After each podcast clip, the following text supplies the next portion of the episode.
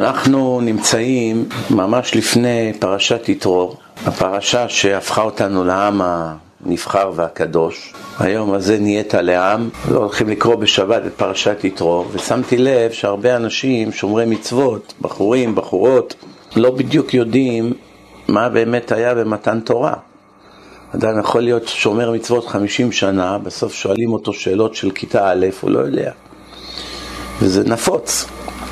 הרבה פעמים שאלתי אנשים שהם מאוד דתיים, כל החיים דתיים, חסידים, ליטאים, בעלי תשובה, ספרדים, לא, לא מודעים מה היה באמת בפרשת יתרו. אז נתחיל בשאלה, מה זה באמת חג שבועות? איך קוראים לחג חג שבועות? חג מתן תורה. אבל יש עם השם הזה בעיה. מה זאת אומרת חג מתן תורה? בשבועות לא קיבלנו תורה. לא קיבלנו תורה בשבועות. שבועות משה קיבץ העם בזין בסיוון, כולם עמדו, התקדשו שלושה ימים, הקדוש ברוך הוא ירד על הר סיני, בסך הכל הוא אמר את שתי הדיברות הראשונות. בדיברה השלישית כבר, לפני שהתחיל להגיד אותה, פרחה נשמתה מרוב פחד. קיבלו פחד, פחד גדול, פרחה נשמתה, המלאכים היו מחזירים את הנשמות לגופות, מתו מוות קליני. צעקו למשה, תציל אותנו מהפחד הזה, אנחנו לא יכולים להחזיק פה ואנחנו, מה, ש, מה שהקדוש ברוך הוא יגיד נעשה ונשמע, רק שלא, יודע, תעלה אתה להר, תדבר איתו, מה שהוא יגיד נעשה. לא יכולים להמשיך פה במעמד הזה, פחדו. אז משה צריך להרגיע אותם, אל תיראו, הקדוש ברוך הוא לא בא להזיק לכם, הוא רק מנסה אתכם. אני תמיד אמרתי, מכאן ראיה, שהטבע האנושי, אף על פי שחצי מהאנשים בעולם מכחישים את זה, אבל הם בתוך תוכם יודעים שזו האמת. הטבע האנושי, שאדם קשה לו להשתנות, אלא אם כן נכנס בו פחד מן הדין. שהוא יודע שיש לי הרבה מה להפסיד. כשאדם חי באופוריה, אין לי הרבה מה להפסיד. נו, אז בסדר, אז אני לא מושלם, נו, אז אני כעסן, נו, אז אני גאוותן, נו, אז אני גנב, אז אני עצלן חסר תועלת, לא נורא, בסדר, אני חי את החיים, מסתדר, שורד, איך אומרים בארץ, חיים. אני אומר, גם כלב חי, מה זה חיים? בכל אופן, מה הנקודה? הנקודה שברגע שאדם אה, מתברר לו שהדרך שהוא חי בה היא תביא אותו לאיבדון, ולאיבדון הזה יהיה מחיר כבד, אז הוא מזדעזע ומוכן מיד להשתנות. והראיה לכך זה השביעי לאוקטובר. היו לי בסמינר עכשיו אנשים, כמה בנות אמרו שהן כבר שומרות שבת מאז אוקטובר 7. אמרתי, מה קרה?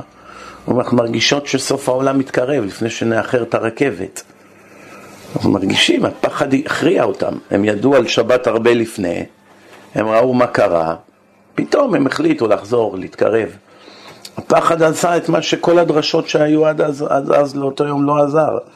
פתאום רגע אחד של פחד, הרי היה תאונות, מחלות, צרות, למי, רב... למי רצים? לרבנים.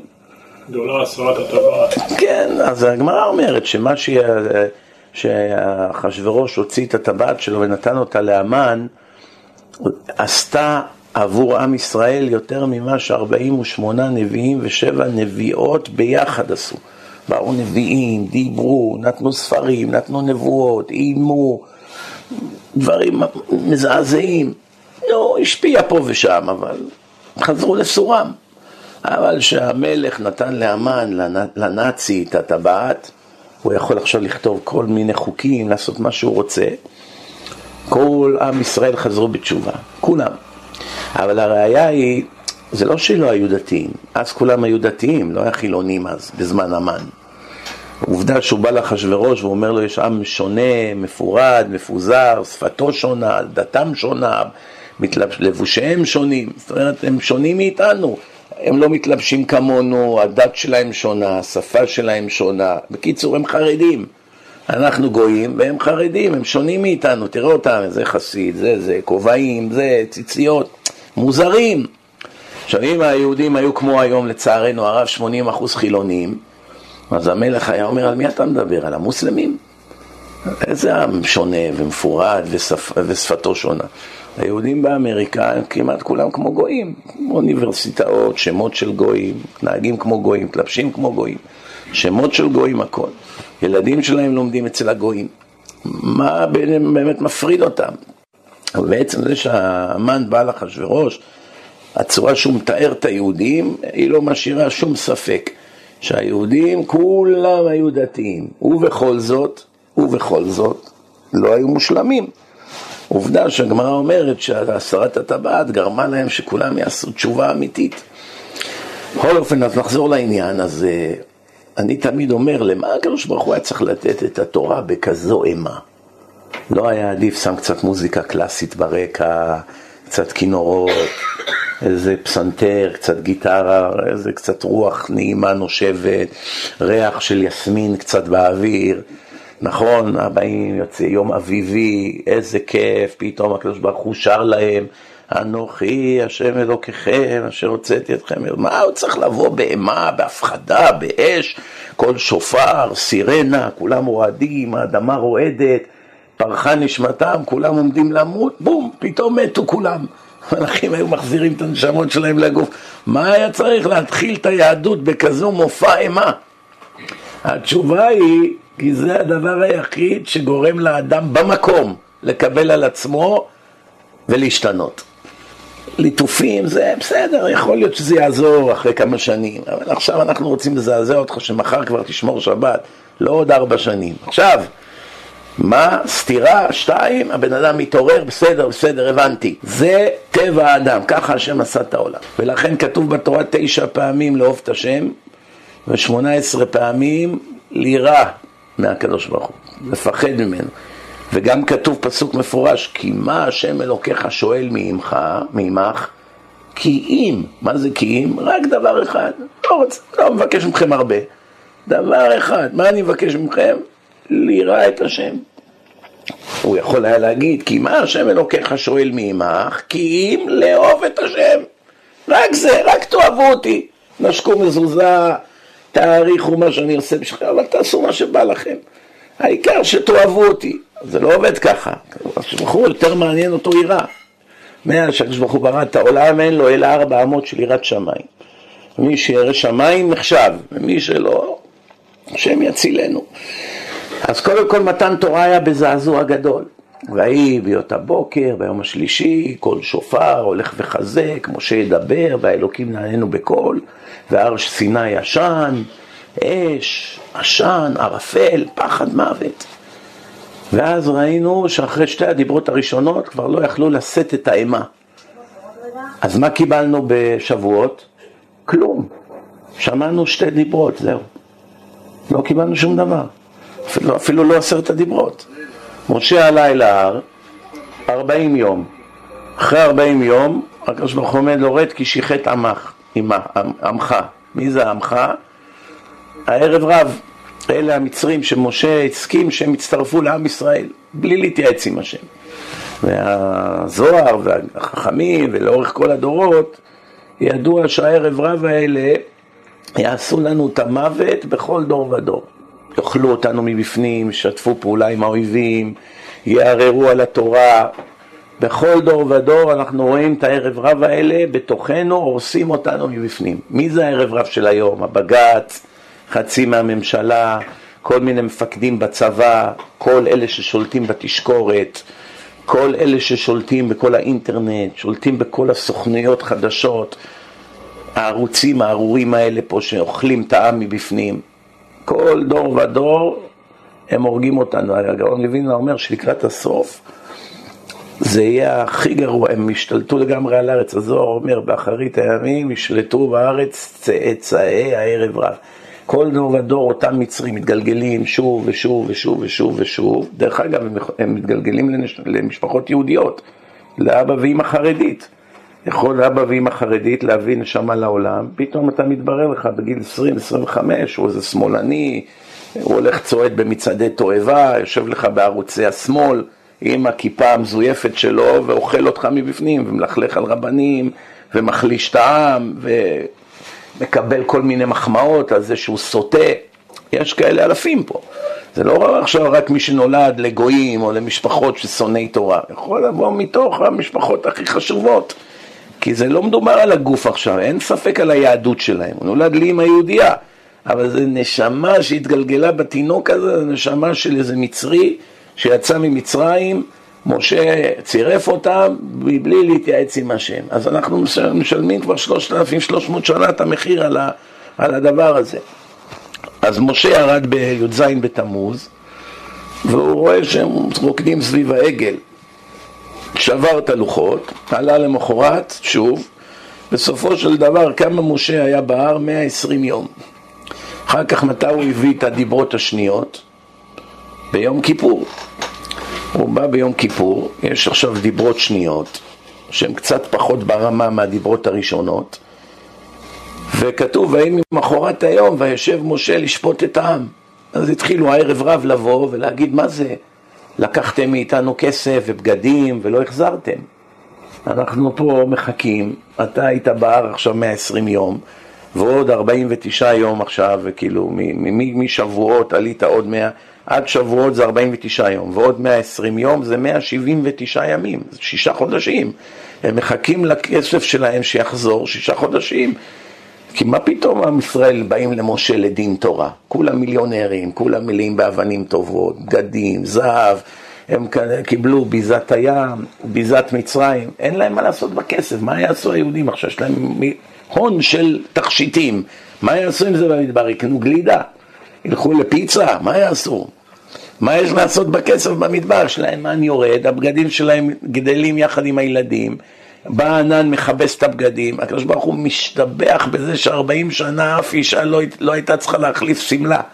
תגיד היום לאשתך, ארבעים שנה אני מתחתן איתך בתנאי אחד, אני קונה לך שמלה, ארבעים שנה את לא מחליפה אותה. מה, השתגעת? אני צריכה כל ארבע פעמים ביום להחליף שמלה.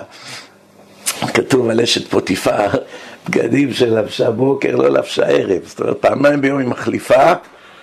בגדים בשביל יוסף, לעשות עליו רושם. אני פעם, אה, הזמינו אותי לאיזה אירוע, יש באמריקה כזה מקום שנקרא מוזיאון השואה. משהו מפואר מאוד, עם הרבה תמונות ווידאו. אז יש איזו משפחה אחת של מיליארדרים רציניים, והאישה שעובדת ומטפלת בבנים שלהם, בן ובת, זו אחת ישראלית מבוגרת, היא חזרה בתשובה מהסרט הראשון שלי, אינפורמציה אלוקית. היא גרה בארמון שלהם, מטפלת בנסיך ונסיכה. עושר שאי אפשר אפילו בסרטים לראות כזה דבר. והתחילה ככה להגיד לי, אני התחזקתי פה, וטוב. בקיצור, יום אחד, אז התחלתי לבוא לשם, היא הייתה אומרת, תשמע, הם קונים הרבה דברים והם לא משתמשים בזה. חליפות, בגדים, תכשיטים, אני יודע, כל מיני דברים הם קונים, שמיכות, זה הכל יקר מאוד. אין לה, סתם, זה יזרקו את זה. במקום שייתנו את זה למשרתים, למה שלא תיקח את זה לחבר'ה שלך מהישיבה? אז אני התחלתי להביא שמלה, עשרת אלפים דולר, אשת אברך. לא בשביל שמלה, עשרת אלפים דולר. כל מיני דברים מעניינים וזה. עכשיו אמרתי להם, מה אתם צריכים ללבוש כאלה דברים? תחזירו את זה לחנות באמריקה אחרי שנה, אתה מחזיר, נותנים לך את כל הכסף. כן, אין, בעיה. האברכים התחילו להתפרנס מהשאריות שלהם. הם היו קונים דברים, נגיד היא הולכת קונה שש ג'ינסים, כל אחד מאות דולרים, והיא לובשת אחד ואת האחרים נשאר עם הטאג, עם השם של החנות. מגיע, יש את האברך לחנות, הנה יש לי חמישה ג'ינסים, נותנים לה שלושת אלפים דולר, משכורת של שישה חודשים של האברך, מהשאריות שלהם. קיצור, לאט לאט התחברתי איתם, יום אחד הם הזמינו אותי לאירוע שהם תרמו המון כסף למוזיאון השואה. עכשיו אמרתי, כולם שם גויים, יהודים עשירים, בטח לא יהיה דתי אחד שם. אבל מה, הם, יש לנו הכרת הטוב אליהם, מהישיבה אכלו מהם שנים, מהשאריות שלהם. אני חייב להראות את הפרצוף שלי לכמה דקות. אני מגיע למנהטן, מלון מנדרין, בקולומבוס סרקל. אמרתי, איפה אני אשב? עם מי יישב לידי? מה? טוב. אני מגיע לשם, את מי אני רואה? הנהג שלהם. זה שהיה מביא לפעמים את הבגדים למונסי, את הדברים, את הרהיטים. אמרתי, או, oh, לפחות מישהו אני מכיר פה. אמרתי לו, בוא, בוא נעלה, נשב שם ביחד. אומר לי, לא, אני חייב לעמוד פה ליד, יש להם לימוזינה ארוכה כמו אוטובוס. אומר לי, אני חייב לעמוד פה ליד האוטו. אמרתי לו, למה אתה לא מחנה את האוטו בחניון של המלון? הוא אומר, לא, זה דווקא פה צריך להיות. אני אומר לו, למה? הוא אומר, יש בפנים את המלתחה של האישה. אני אומר, מה היא עכשיו צריכה את המלתחה לאירוע של שלוש שעות? אומר לי, לא, אחרי שעה היא יורדת, היא מחליפה בגדים, אחר כך היא עולה, אחרי עוד שעה היא יורדת עוד פעם. זאת אומרת, באירוע של שלוש-ארבע שעות, בגדים שלבשה בשבע, לא לבשה בשמונה. את עצמי אנשים משועממים, זה מה שנקרא כסף שמור לבעליו לרעתו. אין להם מה לעשות עם החיים שלהם, משעממים, ריקנים. בקיצור, נחזור לעניין. הרב פלאצ'י אומר, זה הזכרה של השבוע, עשינו בשבת, החיים. אז הוא אומר שלהוציא בגדים, להכניס זה איסורים שמורידים לנו לעוונות. החיות אין להם את זה. עכשיו לובש בגדים, מוציא בגדים זה איסורים, יש להם יותר איסורים מאשר לנו. בוא נגיד שאת האיסורים האלה הנשים היו מאוד רוצות לקבל. מוכנות. בכל אופן, אז הקדוש ברוך הוא משתבח ואומר, ארבעים שנה שמלתך לא בלטה מעליך. תודה רבה. אז אין להם הוצאות. אין הוצאות, לא צריך לקנות אוכל, לא צריך לקנות בגדים, אין איפה לבזבז בילויים. אז מה עכשיו הם צריכים לבוא למשה לדין תורה? על מה הם מתווכחים? על נדל"ן? אין לו דבר נדל"ן. אין מכוניות, אין חוקי תעבורה, אין מיסים, אין ממשלה, מה יש? זה לא עם ישראל. מי בא ל... ל... מה זה לשפוט את העם? רד כי שיחת עמך, העם הזה שאתה רוצה את על דעת עצמך, תאכל אותה. לך טפל בהם. הם רוצים עכשיו את הכסף חזרה. זה גם הסיבה שמשה בא לשפוט אותם לבד. מה, איזה מין אדם יכול לשפוט עשרות אלפי אנשים לבד? מה, הוא לא יודע שצריכים שופטים אחרים? עד שבא האפיפיור מהוותיקן, יתרו, הגיע, אומר אדון משה, אתה נבול תיבול, אתה לא יכול לשפוט, מה, אני לא יודע את זה? מה, כל ילד טיפש יודע כזה דבר. משה לא ידע כזה דבר, אלא מה, למה משה רוצה לשפוט אותם? הוא היחיד שלא לקח מהם שלל. הוא היה עסוק בלחפש את ארונו של יוסף. כל עם ישראל התפוצץ בשלל מהם. אז הם רוצים את השלל חזרה, ערב רב. אז משה אומר, מי אני אמנה? כל שופט שאני אמנה, הוא מלא ברכוש שלהם. מה, הוא ישפוט את עצמו? זה לא משפט צדק, לכן אני חייב לשפוט לבד. ואיך אני אשפוט 30, 50, 100 אלף איש? אין בעיה, זה תביעה ייצוגית. אם אני פוסק שמגיע להם לקבל את זה חזרה, התביעה היא לגבי כולם, לא צריך לשפוע 100 אלף איש. ואם אני תובע, פוסק שלא מגיע להם את זה כי הם ניצלו אותנו, עבדנו להם מעל 80 שנה, 18 שעות ביום, הרגו לנו ילדים, אחרי שנחשב את כל הפיצויים וכמה שעות עבדנו, הם עוד חייבים לנו כסף. אז ממילא אין להם שום תביעה, ברגע שאני פוסל את התביעה הראשונה, אף אחד אחר אין לו מה לבוא. כבר יודע מה יהיה הדין. זה כל העניין. טוב. בכל אופן, נחזור לעניין. אז משה, באמת, מתי קיבלנו את התורה? לא בשבועות, ביום כיפור. כמה יודעים את זה? שאל אנשים, אפילו בחורי ישיבות, תגיד, מתי קיבלנו את התורה? בשבועות? כולם קוראים לשבועות חג מתן תורה. למה קוראים לשבועות חג מתן תורה אם לא קיבלנו בו כלום? זה היה חג מעמד הר סיני. שבועות היה צריך להיקרא חג מעמד הר סיני. בכל זאת, הוא התגלה לראשונה לעיני מיליונים. זה לא קרה מעולם כזה דבר. תמיד הוא התגלה ליחידים. זו פעם ראשונה שהייתה התגלות לעיני מיליוני עדים. דרך אגב, זה מה שמייחד את היהדות מכל שאר העמים. יש היום מעל 80 אלף דתות וכתות, וכולם התחילו מסיפור של נוכל אחד. נוכל או נוכלת.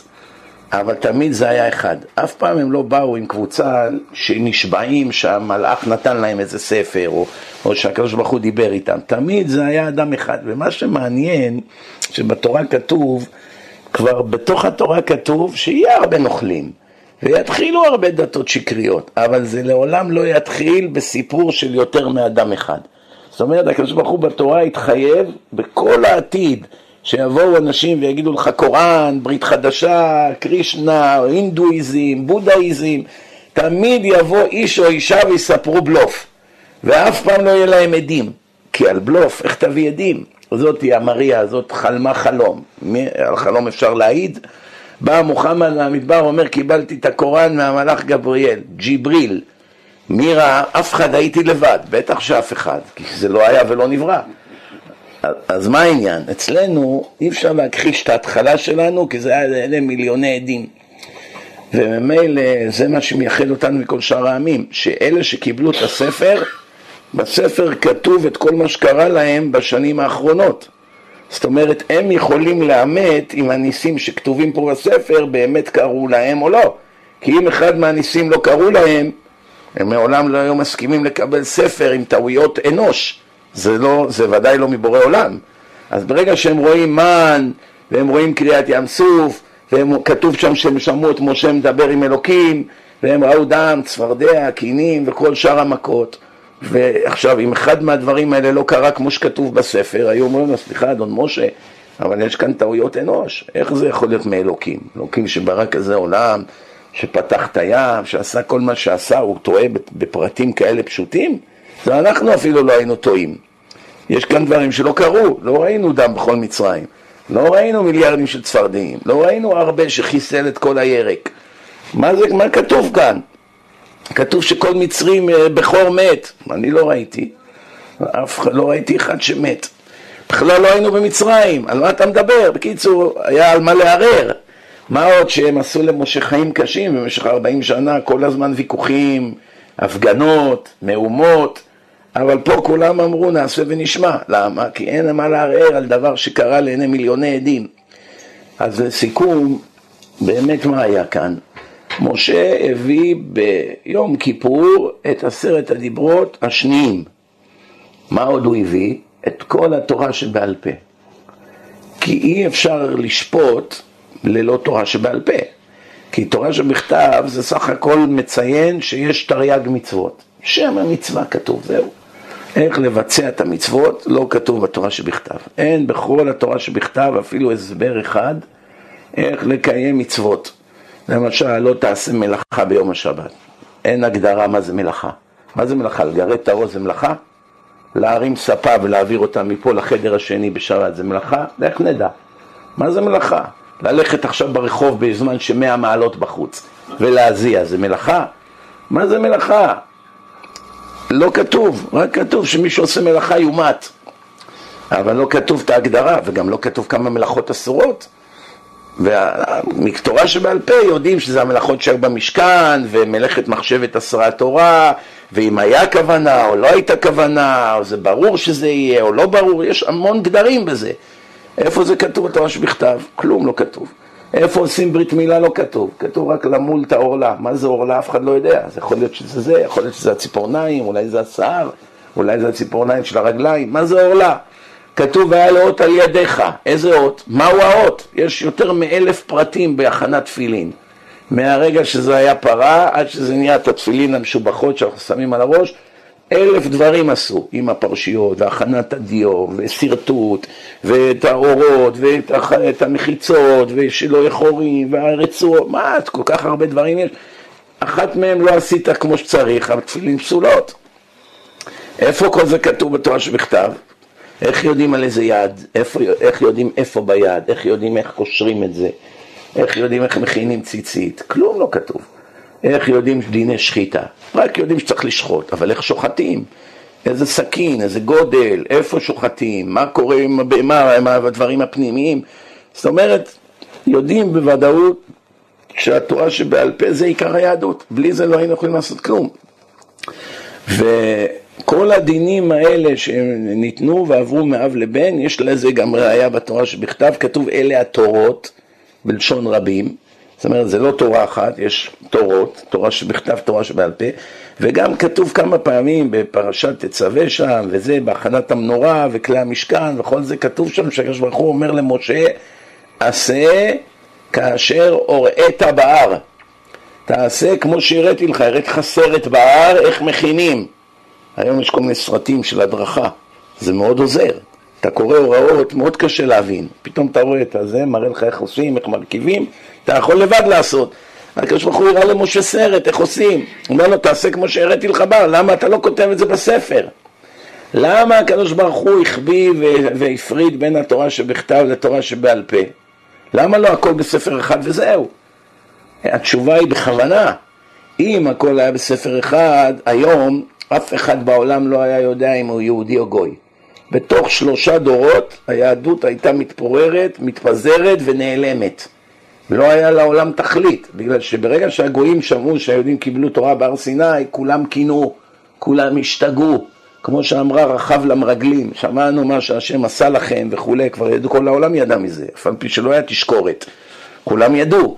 אז ברגע שעכשיו הגויים ראו שהיהודים קיבלו תורה מהר סיני, ולכולם היו זקנים, וכל הנשים היו לבושות צנוע, כל מה שהיה עליהם לעשות זה לכתוב את התורה כמו של היהודים, לעשות ברית מילה לילדים, אם הכל כתוב בספר אחד אז אנחנו יודעים מה לעשות, היו מכינים לעצמם תפילין והיית מגיע לאיזה מדינה, מאיפה באת? מאפגניסטן. אתה יהודי? כן. הנה, אני ברית מילה, תראה את התפילין, תראה את המזוזות שלי. תוך שלוש דורות כל העולם היה מבולבל, אף אחד לא ידע מי באמת יהודי. גם היום יש הרבה מתחזים. יש היום הרבה שלא קיבלו אותם לגיור, והם חיים כחרדים גמורים, ובסוף אתה שואל אחרי כמה שנים, איפה התעודת גיור שלך? אין לו.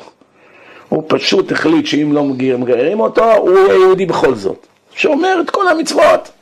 בסוף אומרים, תגיד, איפה התעודת גיור? הם, אה, יש כאלה הרבה, רוצים להיות יהודים. אז כל העולם היה מתחזה ליהודים, וכולם היה להם את כל התורה שבעל פה, הכל כתוב, לא היה בעל פה, הכל כתוב. גמרנו, אפשר, אף אחד לא יודע, אתה רוצה לחתן את הבן שלך עם איזה בחורה, איך נדע שהיא יהודייה? היא חרדית לגמרי, היא קוראת עברית, קוראת תורה, הכל כרגיל, מדליקה, עופה חלות, הפרשת חלה, הכל, גויה גמורה. בקיצור, כדי שזה לא יקרה, הקדוש ברוך הוא הפריד את האינפורמציה החשובה, שזה יעבור בחשאי בין רב לתלמיד, זה הסיבה, ורק רק שנבין, אז מה משה הוריד? הוריד את עשרת הדיברות השניים, הוריד את כל התורה שבעל פה, שמה שאחר כך נקרא משניות, שרבי יהודה הנשיא ליקט את הכל ואיחד את הכל לשישה סדרי משנה, היו הרבה יותר, פשוט הוא איחד בין הרבה מהם שהיו על אותו נושא. ומה מהתורה שבכתב משה הוריד? הרי אי אפשר שמשה הביא את כל התורה שבכתב. איך אפשר לתת לעם ישראל תורה שבכתב עם כל הסיפור שכתוב שם שעוד כמה שנים קורח ימרוד והאדמה תבלע אותו ושתהיה מלחמה עם עמלק ושלא ייכנסו לארץ, שכל זה כבר יהיה כתוב מראש, אז אין בחירה. אז למה הם חיים? קורח עכשיו פותח את התורה, משה ירד, וואו, כתוב שבעוד כמה זמן אני אעשה מרד נגד משה והאדמה תבלע אותי. אני באותו יום אנעל את עצמי בבית. אני לא, לא, אבל אני יכול, אחר כך יהיה טעות בתורה. אם כתוב שקורח נבלע באדמה ואשתו תסגור אותו בארון, הוא ירצה לצאת מהארון, אבל אשתו תגיד לא, אתה לא יוצא מהארון, אני הורגת אותך. אבל אני אמור למות שם, האדמה תבלע אותי. כתוב פה את התסריט. די שזה לא היה ככה. אלא מה? התורה עד פרשת יתרו כבר הייתה כתובה. מפרשת יתרו, שזה השבת, עד הסוף, משה השלים בארבעים שנה. כל כמה שנים עוד קטע, עוד, אחרי שזה קרה כבר, עוד קטע, ועוד קטע, ועוד קטע. הוא היה מביא אותו לאוהל מועד, מראה לו אותיות רצות על רקע של אש, עד שהגיע ליום האחרון בחייו. עכשיו פה יש ויכוח בין החכמים, אם משה כתב את השמונה פסוקים האחרונים, הרי כתוב שהוא מת, אם הוא כתב באותו יום שעוד כמה שעות הוא ימות, כבר ראה איך זה הולך להיות, או שהוא באמת לא סיים את זה, ויהושע הוא זה שרק השלים את הפסוקים האחרונים על מותו של משה. וכתוב שביום האחרון של חייו הוא כתב 13 ספרי תורה, הוא נתן אחד לכל שבט, והם התחילו להעתיק, וכל שבע שנים הייתה מצוות הקל. בשביל מה צריך להקיל את כל העם? היו מנהיגים, מלכים, ראשי שבטים, הם קוראים בתורה, וכולם בודקים את התורה שלהם. אם פתאום יש איזו טעות, שהם טועים, או אצלי כתוב ככה, יש עוד מישהו שכתוב אצלו ככה? לא, תתקן, טעית. וככה היו דואגים שלא תהיה שום טעות בתורה, וזו הסיבה שביהדות יש לנו את אותה תורה בכל העולם, אבל נגיד אם אתה הולך אצל המוסלמים, יש לך אין סוף קוראנים שונים, שמות שונים, תאריכים שונים, חסרים קטעים, נוספו קטעים, ממש בלאגן. כבר זה מוחמד היו לו ארבע נשים, כל אחת מהן היה לה קוראן שונה משל השנייה. עוד בחייו. והנוצרים, מעל 200 אלף גרסאות יש להם לספר המטופש שלהם. מעל 200 אלף גרסאות. ואצלנו היהודים יש כמה שינויים מזעריים בין ספר אשכנזי לספרדי, וזה, אבל האורגינל, לא איבדנו את המסורה. יש לנו בדיוק את המסורה, זה כמו של התימנים, הספר תורה, כי התימנים היו 2,600 שנה באותו מקום, הם לא נדדו. אז לא היה שום סיבה שיפול אצלהם ככה איזה קצת שינויים קלים. דרך אגב, אין שום שינוי שמשנה את משמעות המילים. זאת אומרת, ידוע לנו שזו התורה, והמסורה, יש, אני פעם למדתי עם איזה רב אשכנזי שהוא מומחה עולמי למסורה. זה אפילו גדולי הדור לא יודעים מה שהוא היה יודע. הוא הלך לספריות, חקר, בדק, השווה. הוא היה, בסוף הוא אמר לי, בדקתי את כל, כל הזה, הספר תורה התימני, הוא בדיוק לפי המסורה, אין בו שום הבדל מהמסורה. אז כששאלו את השאלות, למה לא משנים את הכמה טעויות המזעריות? זה לא טעויות, סליחה, חוזר בי.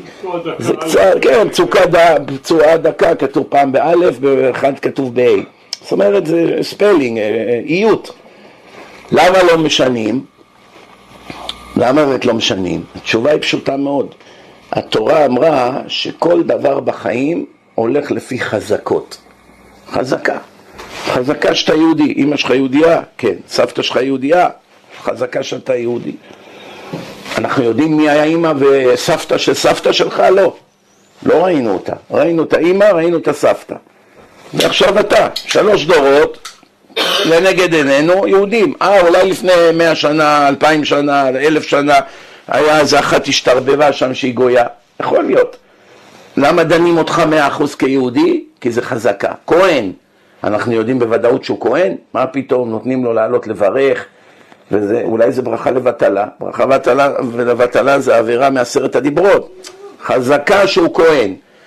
בשר כשר, השוחט, הוא נראה ירא שמיים, הוא בא לומד תורה, הוא ידען, הוא מקפיד, רואים שהוא מקפיד על המצוות, חזקה שהבשר שלו כשר, לא צריכים ללכת להשגיח עליו זמן שהוא שוחט. כל החיים זה חזקות. קנית מזוזה מאחד ידוע שהמזוזות שלו מהודרות, אולי זה פסול. בני אדם זה לא הקדוש ברוך הוא, הם יכולים לטעות, כבר היו דברים מעולם. חזקה שזה כשר, לכן מברכים סמים.